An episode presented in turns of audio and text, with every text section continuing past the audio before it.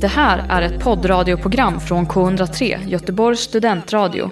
Du hittar oss på k103.se. Av upphovsrättsliga skäl är musiken förkortad.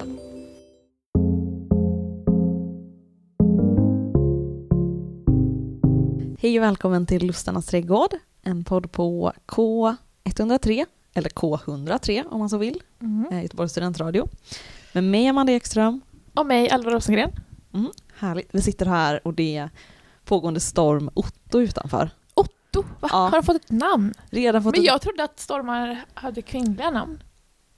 Ja, det är sant, det är det inte. Det är Otto är ett mansnamn. Ja, för det brukar ju vara typ såhär Gertrud. Och Gudrun. Ja, det var, det var Gudrun jag tänkte på, inte Gertrud.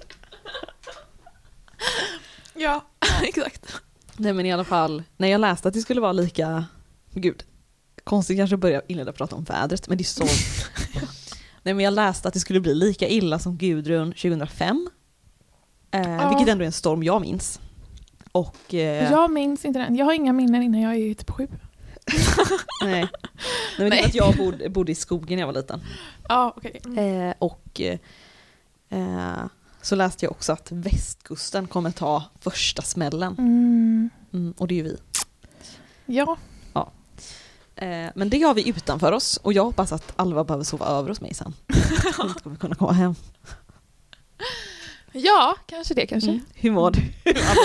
Jag mår, eh, jag mår bra. Jag är väldigt, eh, alltså, lite trött i huvudet idag. För att jag, jag tror bara jag har Mm. haft så mycket, alltså jag har gjort väldigt mycket intervjuer de senaste två dagarna. Ja. Dels igår då så gjorde jag en intervju med en journalist från dagens ETC. Och sen, och det gjorde jag klockan åtta på morgonen. Och sen klockan tio så hade jag en jobbintervju. Då var jag, blev jag intervjuad men det var Det var fortfarande... objektet, men det är nog Ja. jobbigare för dig. Även Exakt. Ja, så två intervjuer då. Och sen idag så var vi på eh, och körde på live-dagen på K103. då. Mm. Eh, och då gjorde jag också två intervjuer. Så nu känns min lilla hjärna som liksom potatismos typ. Mm. Ehm, och dessutom att jag behövde så här, lyssna igenom när jag då hade intervjuat den här journalisten. För att jag skulle skriva en text om det. Ja. behövde lyssna igenom det och lyssna på mig själv. Åh, åh, gud. Jag hatar att lyssna på mig själv. Ehm, Men jag lyssnade igenom det och alltså, skriva upp det. Alltså transkribera hela Mm. Det intervjun. låter jättejobbigt. Eh, och sen då skriva om det till, ja det är väldigt mycket. Eh, men nu när det är gjort, alltså kul. Jag tycker Ja. att jag har haft två roliga dagar. Vad bra.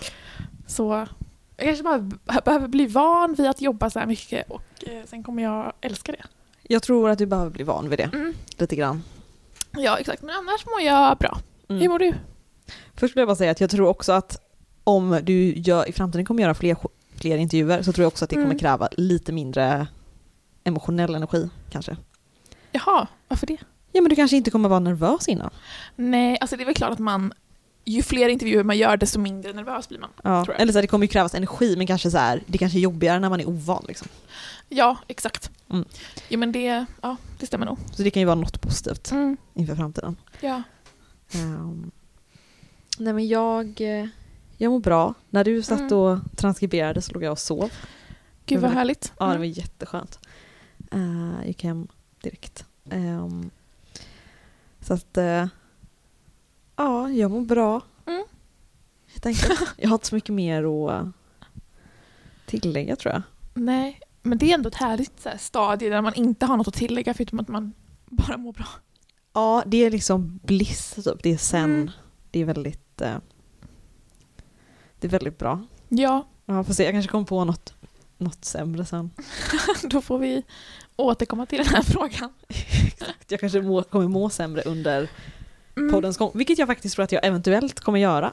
P- Ja, Pigga va? ett samtalsämne. Va? Ja. Ja. Alltså, vi började ju på det här samtalsämnet innan, eh, innan vi började podda. Ja, och jag, ja, jag har blivit lite nedstämd. Varför det? Nej men gud. Men så kände vi att vi skulle prata om det här i podden så behövde vi börja podda så att nu ska vi återkomma till vårt samtal som ni tyvärr inte hörde innan. Nej, Ehm, exakt. Nej, men samtalsämnet som jag är rädd att jag kommer bli lite nedstämd av, Mm. eh, men som egentligen är att liksom, det är ett fel. Jag behöver inte bli nedstämd av det, det är inte så farligt egentligen. Men ehm, det är, handlar ju om de här eh, kvinnliga arketyperna.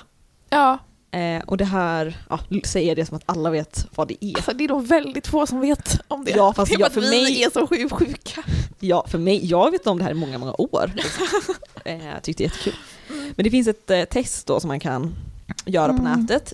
Bland annat på en sida som heter womenlovepower.com. Ja, men det testet funkar inte nu. Nej, precis. Så att det är egentligen ingenting vi rekommenderar. Men Men jag tror att originalgrejen så är det sju olika typer. Och sen på Mm. den här hemsidan så har liksom hon utvecklat det och gjort det till 13 exakt. subtyper. Typ. Mm, precis. Mm. Men det är i alla fall på womenlovepower.com som vi Ja. är sponsrade av. Jag skojar. Nej, men. Nej, men på womenlovepower.com, Mm. där kan man läsa om de här arketyperna i alla fall. Eh, Ja. Om någon vill göra det.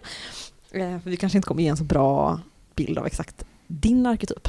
Nej, Nej. exakt. Vi ska bara prata om oss själva. Ja. Ehm, Och vi är samma verkar det som. ja, i de här sju är det det. Då är Mm. det Maiden. Precis, för det som Ehm. är är att det finns sju stycken och då är Ja. det The Maiden, The Huntress, The Queen, Mm. eh, The Lover, The Mother. Ja, det kanske bara var fem. Men de, The Huntress och The Sage. The Sage, just det. Ja. Mm. Och vi Eh, är båda The Maiden. ja. Som då är feminin, ung, lite naiv. Mm. Har ett exempel på eh, The Maiden i Elle Woods. Speciellt i början av Legally Blonde. I League Blonde. Och även Audrey Hepburn. Ja. Och Marilyn Monroe. Alltså, Så underbart. att jag känner inte att vi måste, och Rihanna. Jag Det tycker låter vi som att ni skäms. bara satt oss i den bästa. Ja. Jag vill bara säga att alla av de här arketyperna har sådana exempel där det är verkligen kvinnor man vill vara. Ja exakt, Mm. The Queen är typ Beyoncé till exempel då. Ja, och Blair Waldorf. Ja. Min enda idol. Ja. ja. Nej men det som fick mig att bli, alltså för det som är, som jag tycker är fint med det här, eh, de här typerna liksom, det är ju Mm. att så här, ja men det finns så många olika sätt. Nu måste jag också säga typ att så här, det är väldigt liksom heteronormativt och väldigt könsstereotyp Ja, grej. alltså vi inser verkligen kritiken som man kan Ja. se. Men det här är också en kul grej tycker jag. Ja, jag tycker det är kul Ja. och eh, ja, nu blir jag ju lite nedstämd men man kan också ta det på ett positivt sätt. Jag tycker man känner sig nära sin femin femininitet. När man gör sånt där. Alltså Mm. tänker på sånt där. Men ja, nej men för det som jag fick med, det som är positivt är just det här med att det finns så många olika sätt man kan tänka sig att man kan vara feminin på liksom och att man Mm. inte behöver eh, för det kan man ju känna ibland, typ såhär, åh jag önskar att jag var som henne, eller såhär, jag är inte alls som Beyoncé, hon har liksom all Ja. såhär, kraft och liksom är verkligen så här boss liksom som är Mm. såhär jätte, och jag bara, åh, jag är inte alls som henne, typ såhär, gud vad synd liksom. Men så kanske jag är på ett helt annat sätt som också är fantastiskt. Ja, Och det är ju fint. ja, men jag tror att typ anledningen att du känner att det här gör dig nedstämd Ja. och jag inte gör det för att du lägger så mycket värde i de olika arketyperna. Ja. Medan jag känner mer woo Här får man vara vad man vill. Nej men så här, jag känner så här, men jag kanske är mer som den här The Maiden. och jag strävar efter att bli mer som något annat. Eh, men det ligger inte värde i något av de två. Nej. Men det är bara det det, fin- det finns ju en arketyp som heter The Lover. Mm. Som vad jag förstår det som.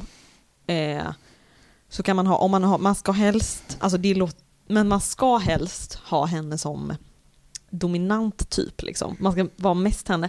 Och då, Ja. vad jag förstår det som, så är det då som man liksom får alla män på fall, alla män kommer liksom bli djupt förälskade i en, kommer liksom göra vad som helst för att få en. Men det har det- aldrig hänt om- mig.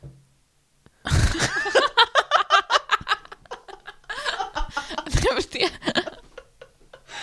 Alltså så här. Så Om det, nu...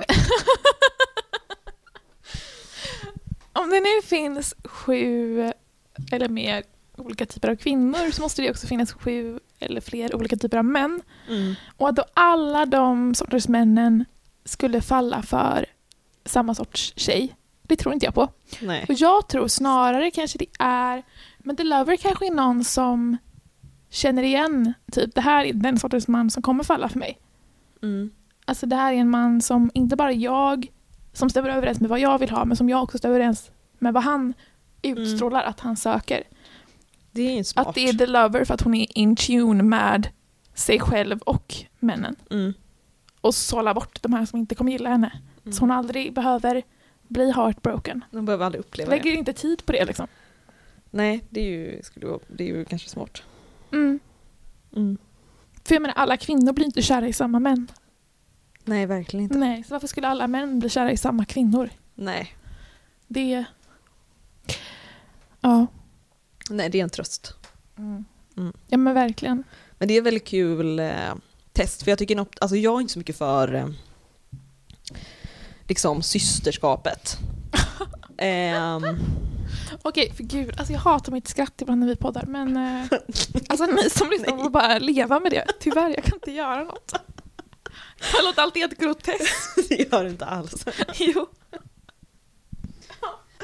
Nej, men jag, tyck, jag tycker att det är eh, jag tycker att det är ändå okej att det liksom inte se Ja men det är ändå rimligt att man kanske inte behöver se alla tjejer som typ så här, vi på samma sida eller typ så här, inte jämföra sig med alla eller, eller typ önska att man var Man kan Nej, ändå att- se, man, man- kan, man kan ändå typ så här, det är okej att man jämför sig och allting behöver inte alltid vara Åh, det bara inspirerar mig. och så- Superfeministiskt liksom. Nej, att man Nej, alltid har allas mm. back typ.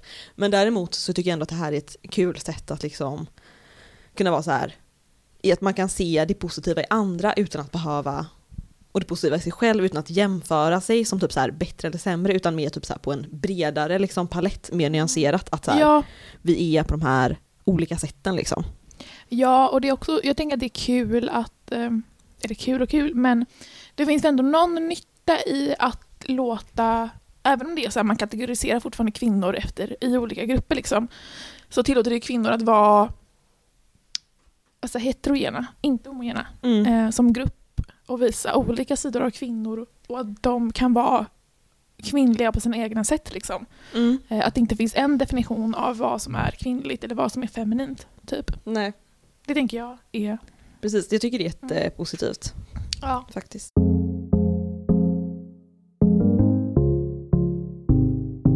Eller på tal om systerskapet, Mm. kanske. Ehm, för det här funderar på, jag funderade när jag var på väg hit vad jag skulle prata om idag när vi poddade. Mm. Eh, och då började jag tänka på min...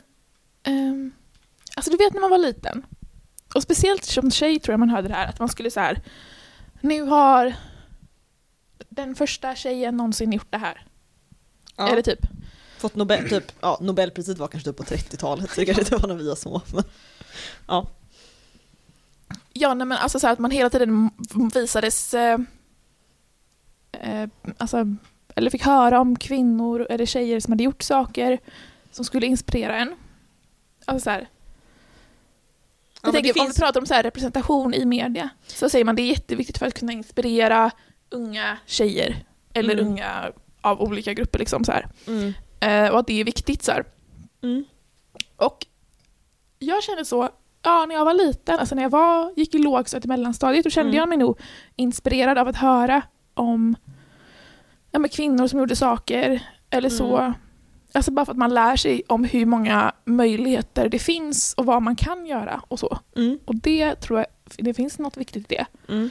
Men nu när jag är vuxen så har jag insett att jag känner mig inte så inspirerad av Nej. folk längre. Och jag känner mig inte heller så himla glad för folks skull. Nej. Alltså jag visar en väldigt dålig sida av mig själv nu. Ja, det är jag. jättesårbart att Ehm, fronta, Alva. Men jag kan ju känna mig glad för liksom typ dig. Tack. Eller typ min familj. Alltså Mm. folk i min närhet som jag har en relation till, som jag bryr mig om. Mm. Då är det klart jag känner mig glad. Men att jag hör om så här, den här tjejen som är, Typ en ung tjej liksom. ja speciellt en ung tjej, typ så här, med typ så här 25, 20-25, Mm. något sånt. Har lyckats med det här. Jag känner bara att så här, det känns som att det är en tävling. Mm. Och jag tror att jag ser mycket på världen som att det är... Du vet i ekonomi brukar man prata om en typ zero... Sam. Zero som Det är scarcity liksom. Ja exakt att Ja. om någon får något betyder det att det inte finns mer för oss andra. Det ja. finns en, en viss summa liksom. ja, och eller jag tror att det är det jag känner med ja, men framgång, bara rent som generellt koncept. Att ju fler som lyckas desto större chans är det att jag inte lyckas med det jag Mm. drömmer om. Mm. Ehm, Men det fattar jag, det kan jag verkligen känna igen. Just det, dels det tänket tänker jag Mm. nu när jag läser min sån här kurs om bedömning av Mm. bland annat chanser och så, så tänker jag att det är nog en, en sån tankevurpa man på något sätt kan göra lite grann. mm. Att man, just det att man tänker så här att att ja, men om någon annan lyckas, och typ så här, speciellt kanske man tänker så här, ja det var en tjej som var exakt som mig. Och hon Ja. lyckades bli det här och det här. Då tänker man typ så här, "Ah, ja men då har ju redan det blivit en sån tjej som är det här och det här. Och det finns ju, ibland kan det ju vara så i vissa sammanhang att ja, det behö- behövdes bara en sån tjej som var bra på det här och det här. Men Mm. ganska ofta så är det typ en större trend att typ så här, man kan hoppa på saker och vara typ så här, Ja. ja men då är det mer troligt att man själv också kan bli framgångsrik inom det. Ja. Om hon också råkar vara en 25-årig tjej som har blivit framgångsrik. ja. Men det är liksom en tankevurpa som jag tror är ganska vanlig. Och eh, det Men känner jag igen mig jag, funderade på, på den här svartsjuka känslan, eller avundsjuka. Avundsjuka, jag tycker det är viktigt. Ja. jag förstår fortfarande inte skillnaden, men om avundsjuka då. Ja. Ehm, jag har funderat på om avundsjuka är en mer maskulin eller feminin känsla. Jag tror att det är jättemycket både och. Alltså jag tycker, Ja. jag skulle inte köra, jag tycker inte det känns alls, möjligtvis mer feminin i så fall. Jag tänker att avundsjuka i sig, att så här, jämf- i jämförelsedelen av det känns som väldigt feminin. Men För att man växer upp hela tiden och jämförs och sätts mot ganska starka ideal. men å andra sidan kvinna. så är det ju alltid med mannen att de ska tjäna så mycket pengar som möjligt, ha en så stor, vet, Ja, stor- jag tänker den, tävlings, på gatan, den liksom. tävlingsinriktade känslan mm, av det är nog manlig. mm. Så det är väl en väldigt androgyn känsla då antar jag. Ja men jag tror, att det, jag tror ändå att det är ganska olika. Alltså jag, Eller låter jätte, ganska- eller jag låter jättekonservativ som så här sitter och pratar om en känsla är manlig eller kvinnlig. Nej, men jag fattar vad du Eh, menar, men jag tänker det kan vara, ta sig uttryck på ganska olika sätt hos män och kvinnor. Att Ja. man är avundsjuk på ganska olika saker liksom. Mm. Men jag tycker ändå det var ganska, eh, alltså faktiskt, men det är någonting jag måste aktivt göra, men jag, att just aktivt försöka tänka när man ser någon annan som är framgångsrik eller någon Mm. annan som lyckas med någonting, att så här, när man känner den avundsjuk känslan att liksom inte typ skämmas så mycket över den känslan. Nej. Utan känna typ så här att, för det här har jag också hört att typ så här, avundsjuka är ju en naturlig känsla som finns av en anledning. För att vi ska kunna se att typ så här, "Men min Mm. granne har en jättestor bil. Gud, det verkar ju jättebra. Och att liksom man ska ha avundsjuka för att vilja förbättra sig själv typ. Mm. Och att man kan liksom se det som, ja, välja då att se det som inspiration istället för den här lite negativa känslan som avundsjuka är. För då kanske man är missunnsam och blir Ja. bitter eller så här. Men är inte det något som är som jag tycker att jag tänker på mm, i det moderna samhället, eller vad man säger. Men att så här, negativa känslor alltså, som känns negativa Mm. också alltid får en negativ klang ja. I att man ska försöka att undvika dem och man ska inte känna dem. Alltså man ska inte, dels här, man ska inte vara ledsen, men det kanske är väl den som är mest accepterad. Man ska inte vara Mm. arg och man ska Nej. speciellt inte typ känna skam eller svartsjuka. För de Nej, och man ska inte känna bitterhet Mm. är ju också väldigt fult liksom. Och jag, har- för, jag, speciellt har jag funderat på skam och typ skuldkänslor. Att jag tycker att de kan ge så mycket liksom självutvecklande tankar Mm. och perspektiv på ens bra och dåliga sidor och ens plats och vart man vill komma och så. Jag tror det har varit nyttigt för folk i allmänhet att våga känna skam. Ja, ja men jag, Alltså, för just- många av de här typ destruktiva beteenden som man ser i samhället handlar om att folk försöker förtrycka negativa känslor. Ja, så är det ju. Ja. Nej men jag tänker att man, eh, alltså de här känslorna, man måste ju, man ska ju känna alla sina känslor liksom, och så förhoppningsvis omvandla dem till någonting positivt liksom. Mm. Använda dem till det de är till för. Att så här, Ja. för skam, och sen ska man ju känna skam, man kanske känner skam över saker man inte ska känna skam av, Mm. liksom av olika anledningar. Och då kanske man inte behöver göra, alltså så här, då kanske man behöver göra någonting annat. Men om man däremot känner Ja. skam, typ så här att, åh idag var jag typ så här, ja men nu har jag varit, varje gång jag ska träffa dig, typ så här, har jag varit sen, Mm. typ jättemycket typ eller någonting. Då kanske jag känner typ så här, det känns, känner jag skam över det. Ja. Och då kanske jag känner så här, ja men måste jag verkligen tänka på att så här, jag måste verkligen försöka vara i tid, typ för det är Mm. respektfullt till exempel. Ja, och jag tänker om man känner skam eller skuldkänslor för något som man kanske inte borde känna det för så måste man också ändå våga känna de känslorna och börja reflektera över Mm. men varför känner jag så över detta Mm. och vad kan jag göra åt det? Typ? Alltså så här, Mm. Hela så här, ens känslosystem måste hela tiden utvecklas. Eller måste måste. Men jag tror det är nyttigt att försöka utvecklas. Ja, Man vill inte bli stagnant i sina känslor. nej. Precis. Nej men det tror jag om man, nej och det är Mm. nog, risken för det är nog mindre om man känner, liksom, försöker känna efter Ja, vad man verkligen Mm. känner. jag har i alla fall tänkt på det, att jag har försökt omfamna skam och Mm. skuldkänslor mer. Inte Mm. känna mer av dem bara så generellt. Bara liksom inte skjuta dem ifrån Ehm, dig. Nej, exakt. Inte försöka undvika dem på något sätt, utan Mm. vara liksom öppen till dem. Ja. Och Men hur ändå du inse att så här, de känslorna är inte, farliga? nej de är inte farliga och de är inte heller alltid eh, baserade i verkligheten. Nej. Att jag känner typ skam, att jag tycker att jag betett mig på ett sätt som inte var bra, Mm. betyder inte nödvändigtvis att jag gjorde det. Alltså jag tror Nej. att jag är en sån person som är ganska orolig av mig och Mm. tror att jag har gjort fel mer än vad jag faktiskt har gjort fel. Mm.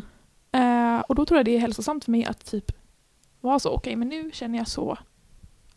Och istället för att vara så här direkt tänka på men jag ursäkter för det, alltså bara acceptera, okej men nu känner jag så och varför Mm. känner jag så?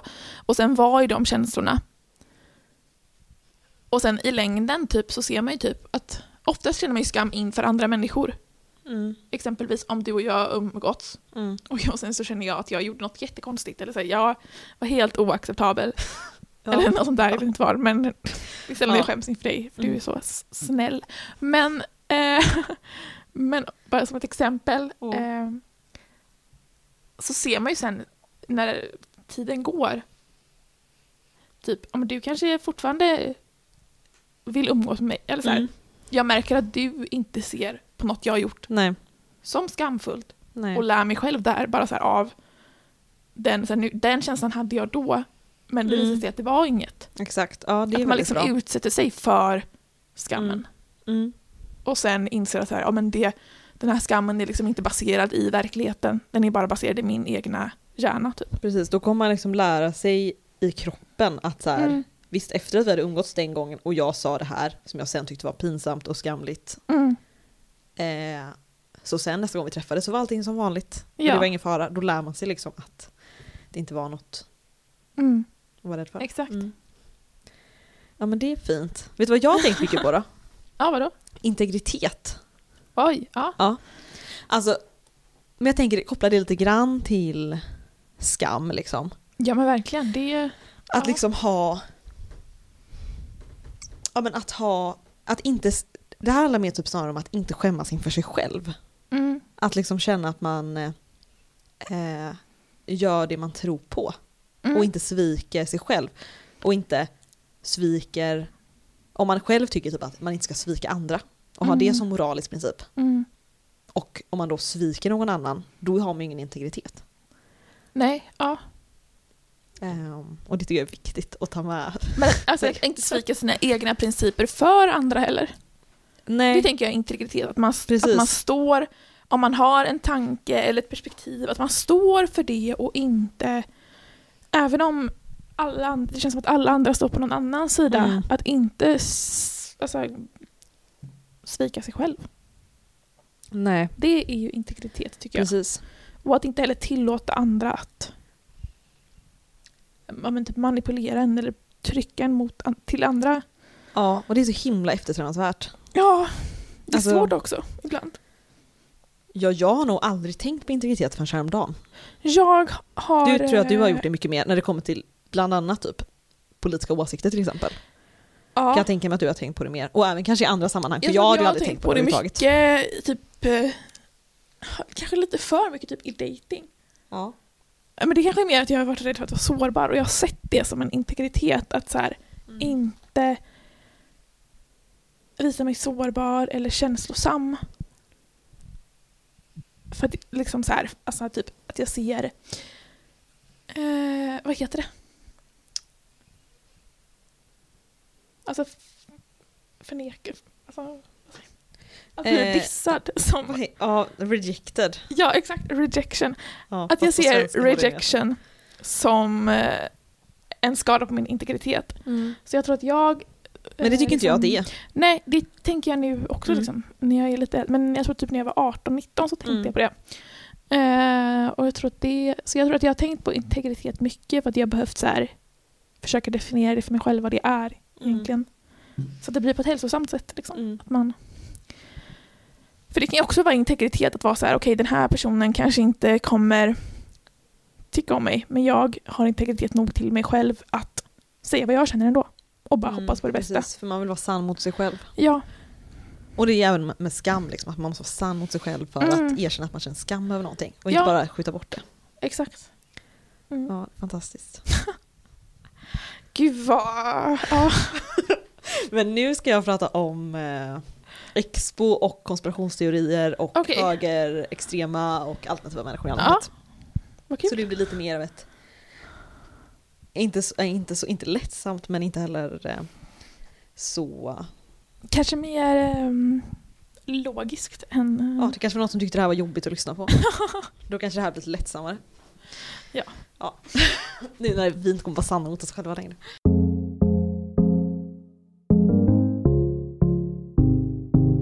Nej, men det är så här, mitt, jag skulle säga ett av mina absolut största intressen är Mm. och har varit i några år, kanske i två år eller någonting, eh, handlar ju om typ konspirationsteorier Mm. och eh, alternativa rörelser och liksom lite, lite så, och de kopplingarna typ mellan så här new age och liksom typ så här, stormningen av så här, Trump, de här Mm. Qanon och typ så här, kopplingen mellan liksom olika, ja, men samma, de som håller på med liksom alternativ medicin och de som är så här, eh, det finns en liten grupp som typ styr hela världen, liksom håller på med dem Mm. konspirationsteorierna.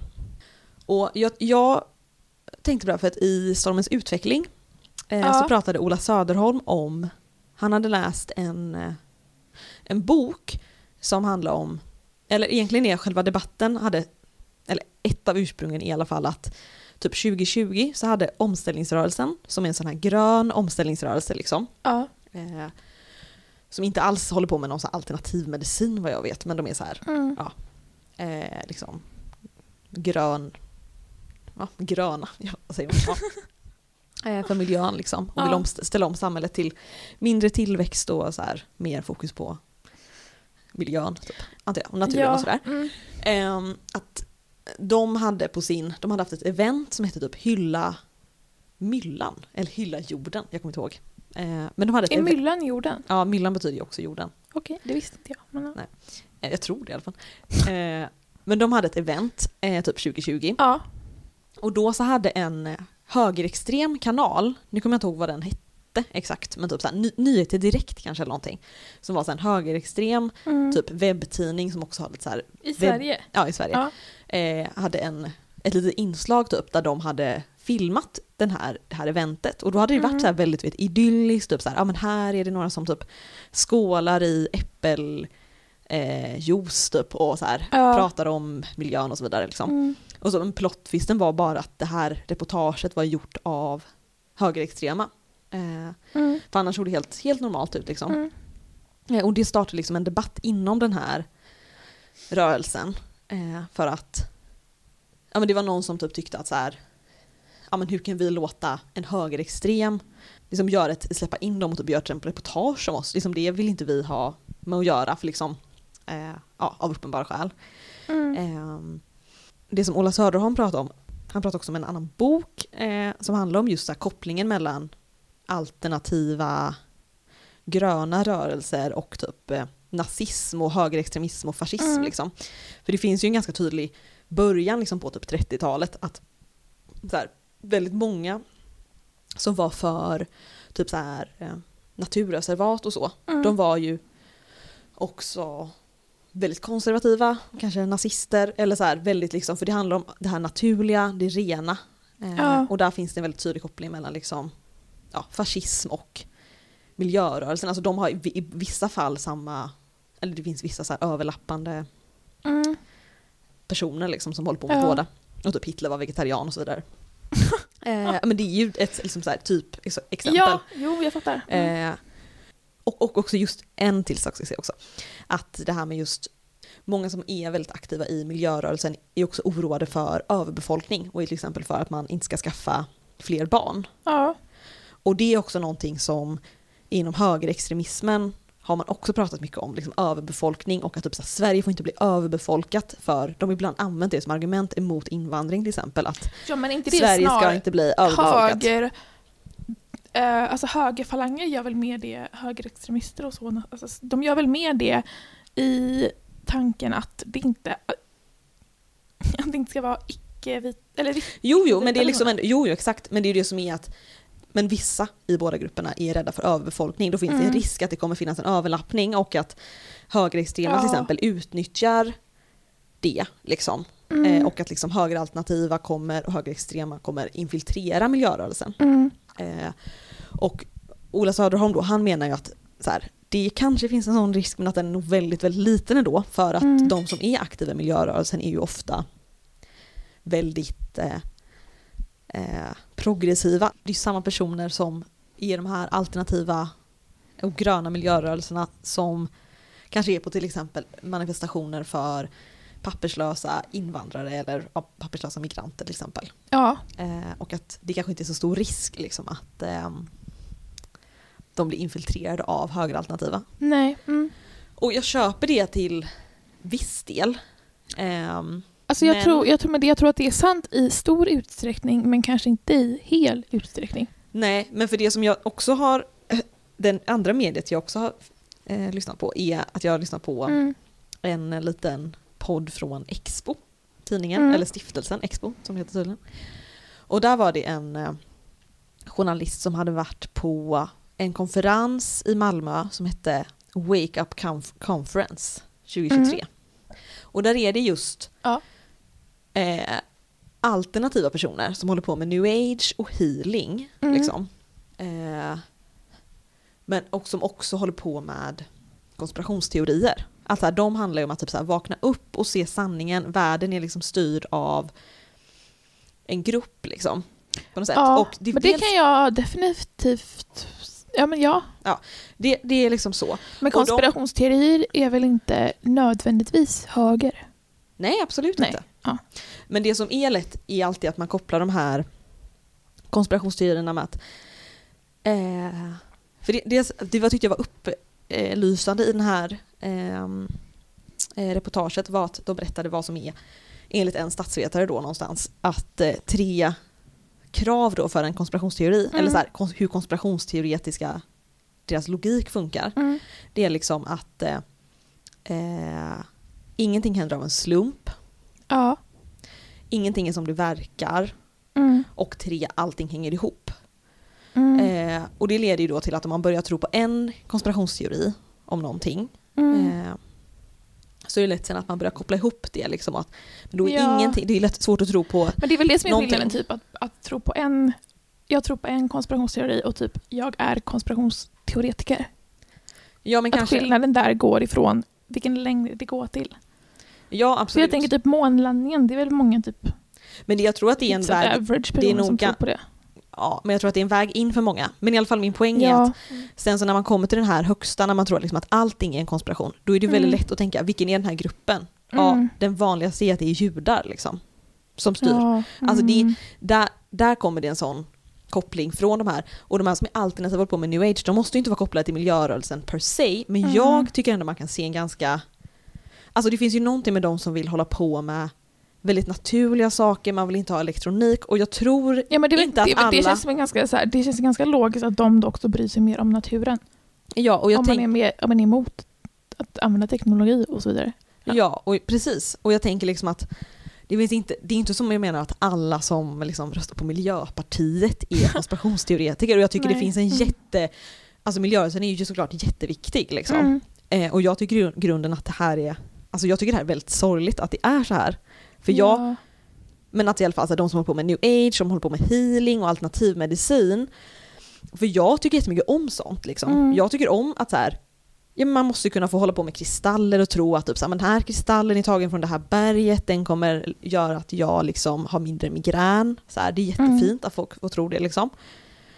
Eh, och det är därför jag tycker att alltså det är så synd att det här blir så kopplat även till en stor, helt liksom faktafrånvänd, världsfrånvänd, antidemokratisk liksom eh, värld. Jag tycker det är så tråkigt för att det blir på något sätt Mm. att det som jag tycker är tråkigast med det är att att liksom är det enda som fun- alltså är det enda som ska vara accepterat typ bara sosseri liksom. Alltså typ att allting, Nej, jag- alltid när alla gör någonting som är så här excentriskt och typ så här håller på med Mm. healing, är typ så här, vi vill leva alternativa och vara alternativa från samhället.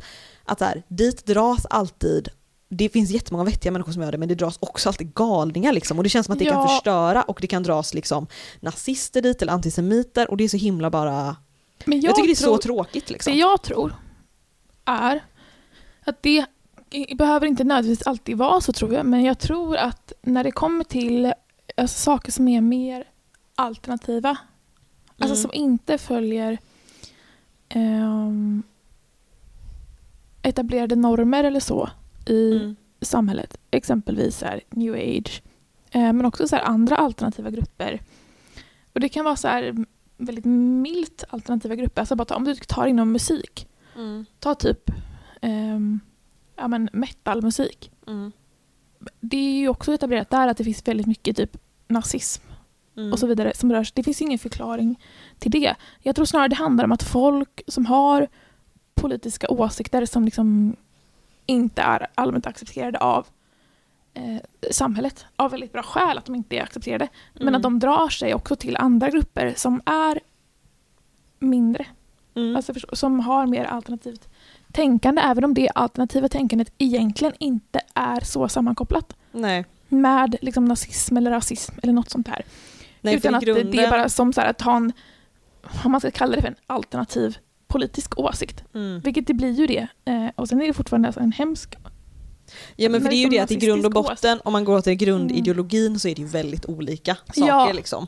Men jag tycker ändå verkligen att man kan, jag kan ändå se att det finns en reell risk i någon mån, i alla fall att liksom miljörörelsen Även om de inte skulle påverkas rejält men att de i alla fall svärtas ner liksom av den här typen Mm. av saker. Ja, det Eh, kan det nog... eh, och, och Ja. så, men också att jag också ser som ett hot faktiskt såna här, alltså mot demokratin i princip så här, med konspirationsteoretiker. Alltså jag tycker det är så Mm.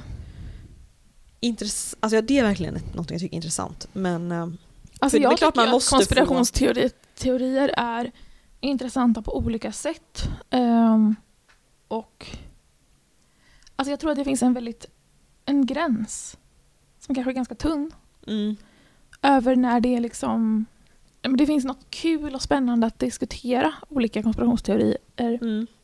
och när det går över till att bli något farligt. Ja, men jag tror inte vi kommer tycka att det är så kul faktiskt om tio år i Sverige.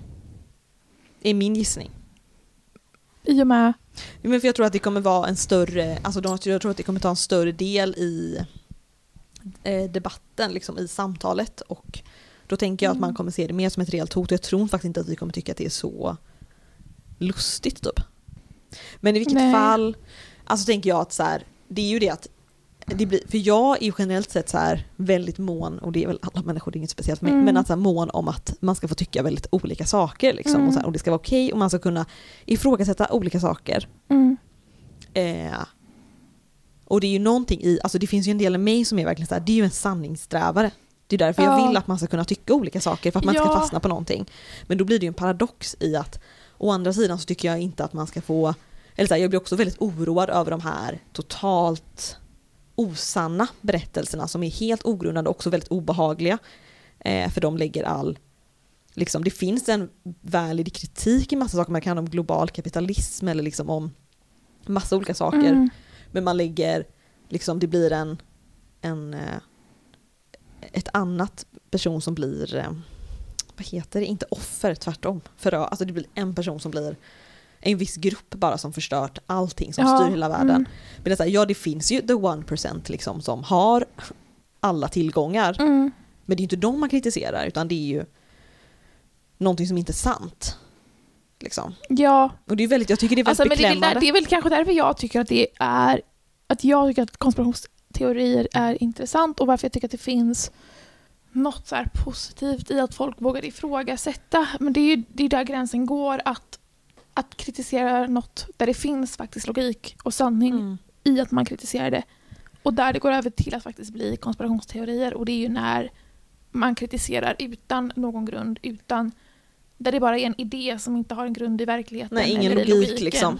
Nej, det har sin egen logik Mm. som inte är befäst Ja, på något sätt. Faktiskt. och det är väl ja. kanske så här speciellt alltså det, det är som du säger definitivt att det kan växa väldigt snabbt. Jag tänker med fake news eller vad man säger. Men jag Mm. menar bara med, med ett, ett så... Vi lever i ett väldigt teknologiskt samhälle där sociala medier spelar en stor roll och på sociala medier så har ju vilken, vem som helst möjlighet att säga vad som helst och framstå som hur etablerad och hur liksom logisk som helst. Ehm, Ja, men för någonting som är intressant tycker jag med de här alternativa, liksom, lite new ageiga healinggrupperna och så, är vad jag Mm. förstår det som, så är det väldigt mycket liksom medelålders och äldre personer. ja. Att det är liksom inte jättemycket unga personer utan det är ganska många äldre personer som typ har så här gått med i, ja men kommer på olika sidor på Facebook och så här, det är liksom Mm. inte så här, som, det är inte som liksom när man pratar om nazismen, nynazismen på 90-talet att det var så här ungdomar som blev rekryterade och som inte, Ja. typ unga killar som inte riktigt hade något samhörighet som blev Mm. liksom indragna i nazism utan då är det liksom typ en medelålders mamma typ som så här Ja. börjar med sånt här liksom. Och det tycker jag också är intressant, den att det som är den gruppen som man sällan brukar tänka om som Mm. särskilt så här sårbar typ. ja, nej. Ja, men eh, det enda jag ville säga var egentligen att eh, jag tror att det är visst finns ett, eh, ett litet eh, hot liksom. Eller så här, Ja. det är ändå någonting att vara ganska medveten om. Mm. Ja, Jag tror inte att jag... Jag kanske inte känner så stort hot av konspirations... Jag känner ju mer så här... Det kanske, är, det kanske är för att jag inte kopplar det till konspirationsteorier. Nej, för- för... att jag inte ser så här konspirationsteoretiker som så här seriösa ja, politiska eller väldigt så här extrema personer. Alltså jag tror att jag, när, när det går över gränsen till extremism liksom, Mm. så ser inte jag det som konspirationsteorier längre. Utan då kanske jag ser det som faktisk nazism eller rasism bara. Mm. Sen är det ju, men jag fattar liksom nästan så här, när jag hör dig förklara så finns det ju en koppling där Mm. emellan, definitivt. Precis. Nej men för, nej men det som jag tycker är väldigt, men det som jag tycker är synd är ju liksom att de som är alternativa, som har alternativ, som är liksom kritiska mot samhället och tycker så här, jag vill leva på ett, tycker saker är fel i vårt samhälle, att de då blir inlockade av liksom en grupp som inte har ett gott uppsåt, det liksom Ja. vill genomföra förändring på ett bra sätt. Demokratiska metoder, alltså här, som är Ja, så när det ändå finns så här, det är människor som engagerar sig, deras energi hade kunnat användas på ett helt annat Mm. sätt. Och jag fatt, har de bara blivit lurade eller så här, det måste de ju typ, de har väl, de har ju blivit lurade. ja men liksom. dels tror jag att de har blivit lurade men samtidigt kanske det också är att de att de inte känner att de hittar en annan plats i, typ, i det politiska samhället. Nej. Om man är så, jag har massa tankar, jag har massa åsikter, Ja. men jag känner mig som att jag står, alltså av vilken anledning som helst, att man känner sig att man står utanför på något sätt. Och det Mm. kan ju bara vara så att man typ lider av psykisk ohälsa och massa ångest och därför inte känner att Ja, man kan ta sig in i så här. Och sen så kommer det en, en rörelse som är mycket mer liksom, eh, benägen att faktiskt försöka värva folk. Mm. Eh, för det tänker jag att så här, extrema, ja, men, typ nazismen och så, att, att de arbetar på ett annat sätt när de tar in folk, att övertala folk, att övertyga folk. Att, Mm. Ehm, Man vill så. gärna ta in folk som har liksom blivit svikna av samhället på något ja, sätt. exakt. Att de riktar in sig på sårbara människor och därför hamnar de Mm. personerna där. Mm. Typ. Mm. Men jag vet inte, det är bara mina Nej men så tror jag att det är. små teorier. Och, nej men jag har också hört att, eh, eller de sa också i den här podden då att så här, det är väldigt eh, det är väldigt så här, när man väl har gått över till att börja tro på konspirationsteorierna Mm. Så är det nästan till omöjligt att komma tillbaka efter det. Ja, det är det nog. Och det måste väl vara ungefär samma sak som, jag antar att man borde kunna skapa samma typ av program som man har gjort för ex-nazister liksom. Mm. Typ. För, alltså, så att vara förintelseförnekelse som sagt är ju också en konspirationsteori. Som man, Ja. Mm. Om man har en gång trott att allt det här var en lögn och sen börjar man tro att nej men det, det kanske är, var sant ändå liksom. Mm. Um, ja, Ja. Intressant. Vi pratade ju om konspirationsteorier i förra avsnittet också, eller hur? ja, Lite grann. det gjorde vi. Nu pratade jag, höll jag en liten monolog om det.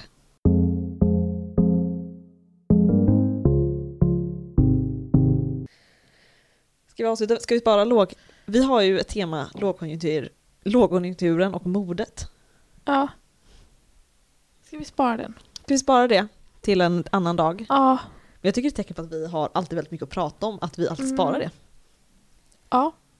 För snart, s- lä- Alltså, längre fram vi Ni ska bara det, vänta tills vi pratar om lågkonjunktur, då fan alltså. ja, ju längre tid vi väntar desto sämre spaning blir det. Ja. Nästa avsnitt ska vi lo, prata om det. lovar. Ja. Ska jag avsluta? Ja, gör det. Du har lyssnat på Lustarnas trädgård med mig Amanda Ekström. Och mig, Alva Rosengren. Det här är en podd på K103 Göteborgs studentradio och vi ses igen om två veckor. Det gör vi. Tack så mycket. Tack!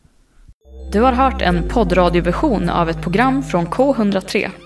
Alla våra program hittar du på k103.se. Följ oss gärna på Facebook eller på Instagram. Vi hörs!